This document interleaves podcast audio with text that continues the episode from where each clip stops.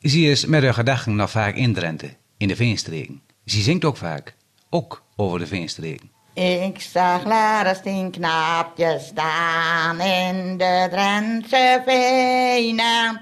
Met wat Je luistert naar radio uit 1965 van de Rono, onze voorloper. En degene die zingt, dat is mevrouw Damhuis. Programmamaker Hitjo D. Schut is in gesprek met Drenten... die toen, 40 jaar geleden, vanaf 1925 naar Eindhoven waren vertrokken. Vanwege de armoede hier in Drenthe en de vooruitzicht op een beter leven daar, in de Philipsfabriek. Mensen die de plaggenhutten en houten keten verruilden voor een stenen huis in Eindhoven, zoals Schut het zegt. Want hier was geen werk en daar waren niet genoeg werkkrachten. Philips bouwde huizen in wat het Drentse dorp is gaan heten.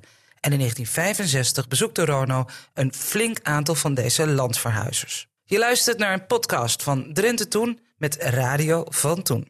Host Aldagvolk zien wij in onze regionale kranten grote advertenties van bedrijven uit het westen en het zuiden van het land waarin arbeidskrachten gevraagd wordt.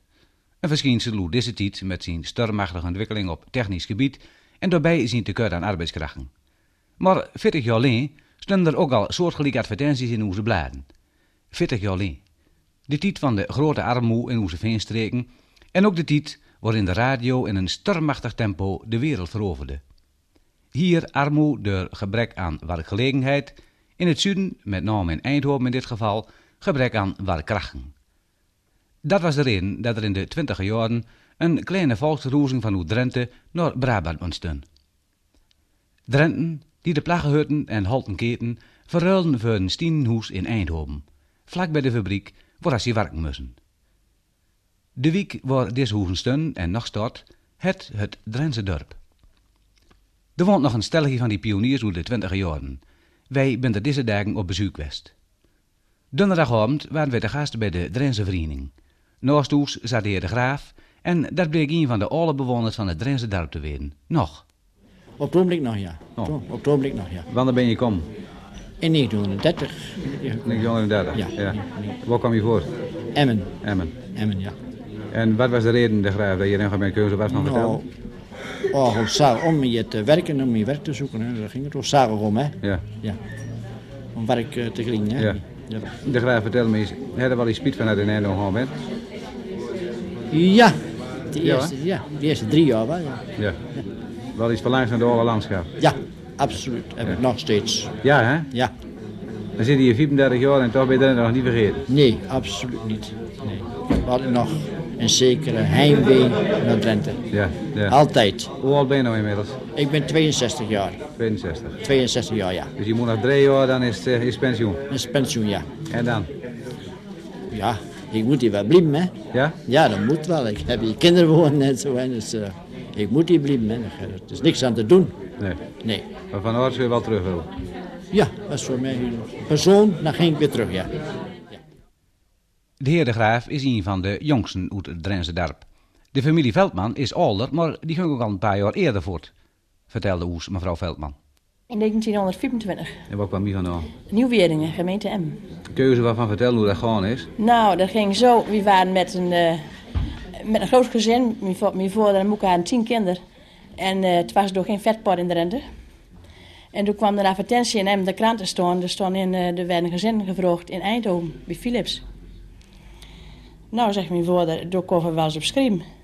Nou, ze moeten maar ik gewoon niet helemaal naar een andere wereld, hè, zegt ze. Nee. Eh, door helemaal naar het zuiden zei ze, ah, dat gaat, hè, daar moet ik niks van hem. Dat kan me Ze zegt, eh laat hier maar stil blijven. Ah, mensen je, je, je verdient nog geen druig brood.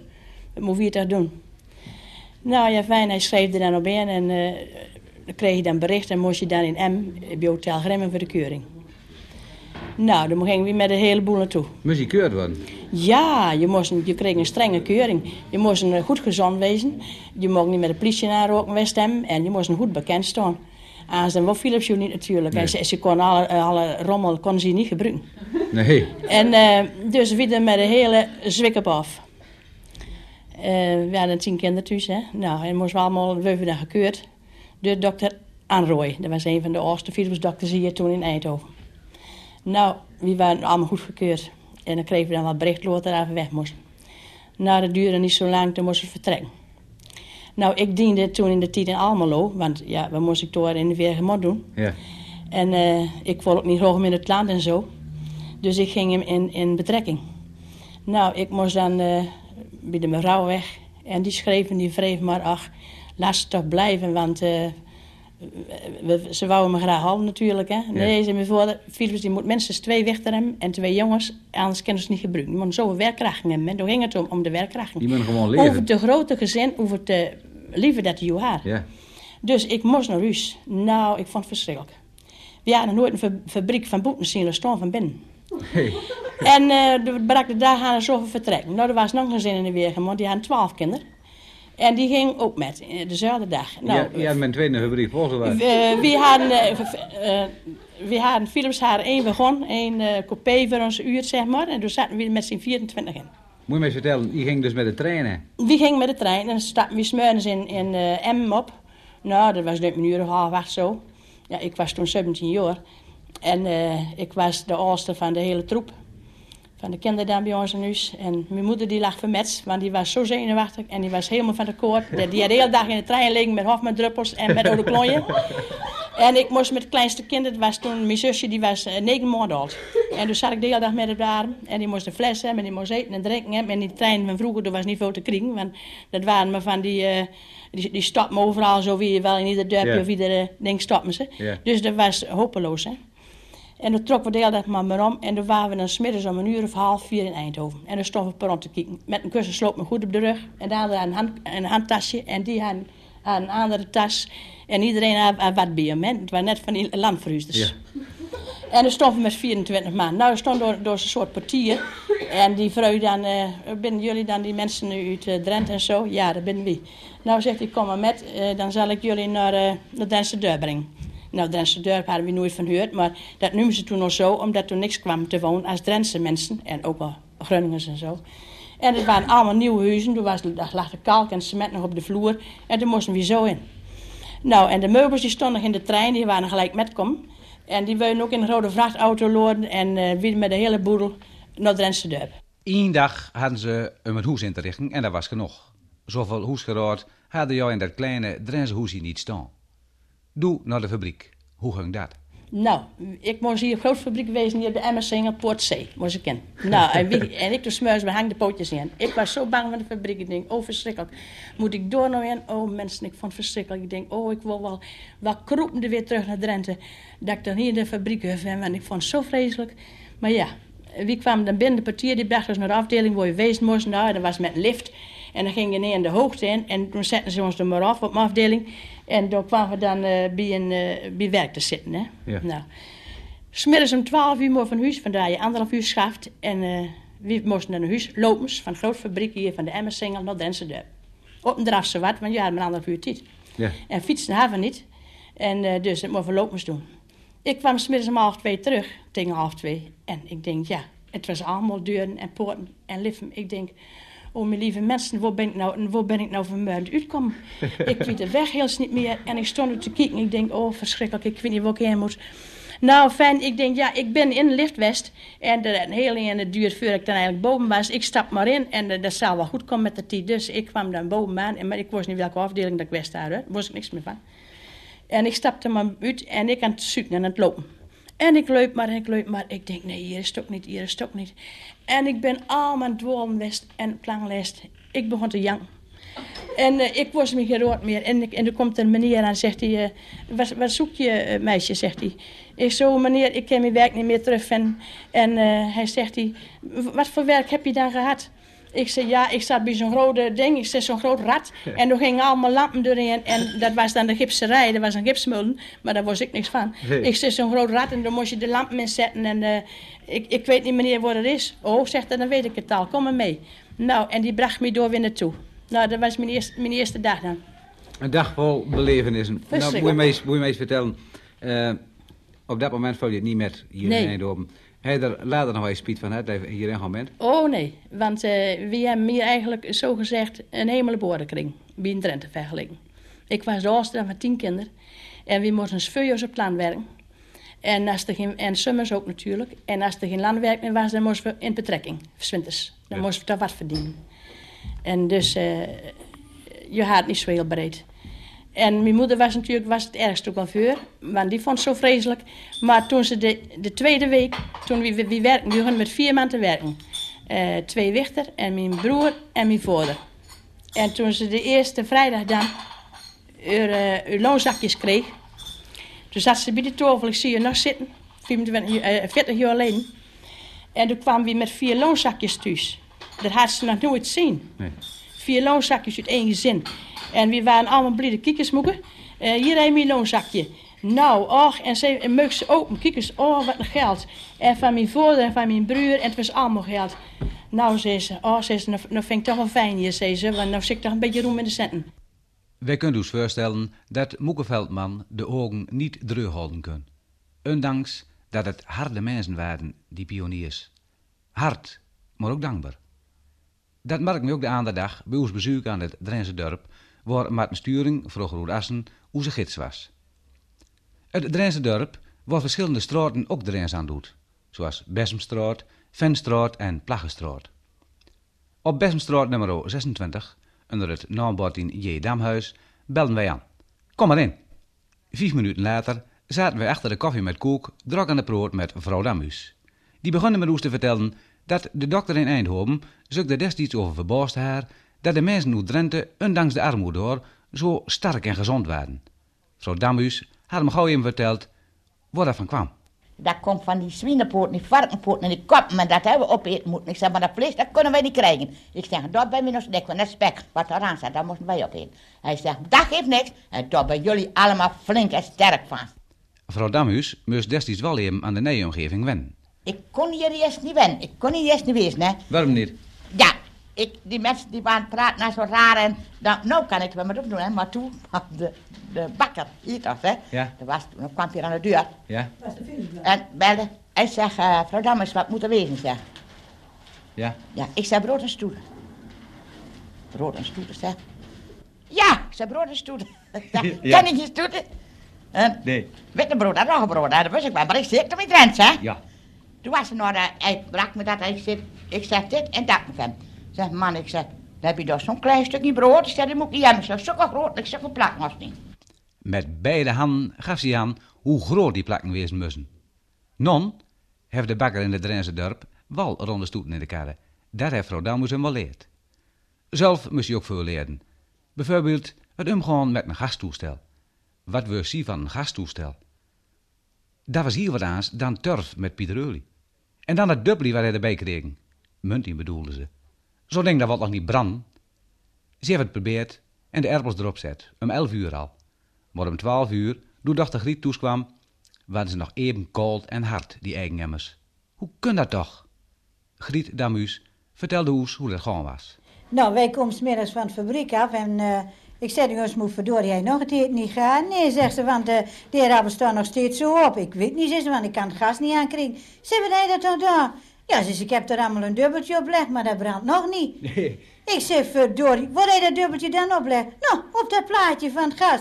Ik zeg, maar mens, maar dat is niet goed. Zeg, dan staan die eerappels over zeven jaar nog op, dan ben ze nog niet gaan. Ja. Maar daar zal ik je wel wat van leren. Ik zeg, kom maar op. Ik nam dat dubbeltje met en ik poetste dat af en ik stopte dat in het gas. En toen zegt ze, oh, maar dat wist ik niet dat dat zo moest. Ik zeg, ja, zo moet het. Als je nou voor het weg gaat zitten, dan stop je maar dubbeltjes genoeg in het gas. Dan heb ik daar niks meer mee te maken. Het elektrisch locht was ook zo'n raar geval. De lamp hing te leeg. Vrouw Damuus pakte de scheer en knipte het koor deur. En meneer kreeg een opduvel en lag ik op de grond, zei ze. Er zat vuur in. Wat wist ze van elektriciteit? En dat er niet met een scheer aan kon mukken. Doch gaf Pieter niks om. Ze lachte nog smakelijk om. Net als om die keer dat ze voor het eerst winkel ging in Eindhoven en de bus niet weer vinden kon. Maar ik liep en ik liep en ik liep en ik zie geen bus. Is die bus dan nou lange weg? Ja. Misschien mensen, wist ook niks. Ik ook niet. En ik liep een hele einde en ik had nog die bus. Op eenmaal keek op, toen denk ik, verrek, er komen twee juffrouws aan. Die zeggen, Frank, ik wezen moet, hè? Ja. Ik zeg, juffrouw, ik zeg, weet je mij je weg wezen, moet naar de bus, hè? Ja, maar mensen, moet hier niet wezen. Ja, maar waar moet ik dan wezen? Ik weet niet waar ik ben. Ik ben hier pas kom. Of ben jij hier eh, uit Drenthe komen? Ik zeg, ja. Ik zeg, nou weet ik, kan de bus niet weer vinden. Ik zeg, waar moet ik nou heen? Ah, ik ben de juffrouw van Philip. Dan ben jullie hier net komen in het Drentse dorp, zegt ze. hè. Zeg, ja, juist.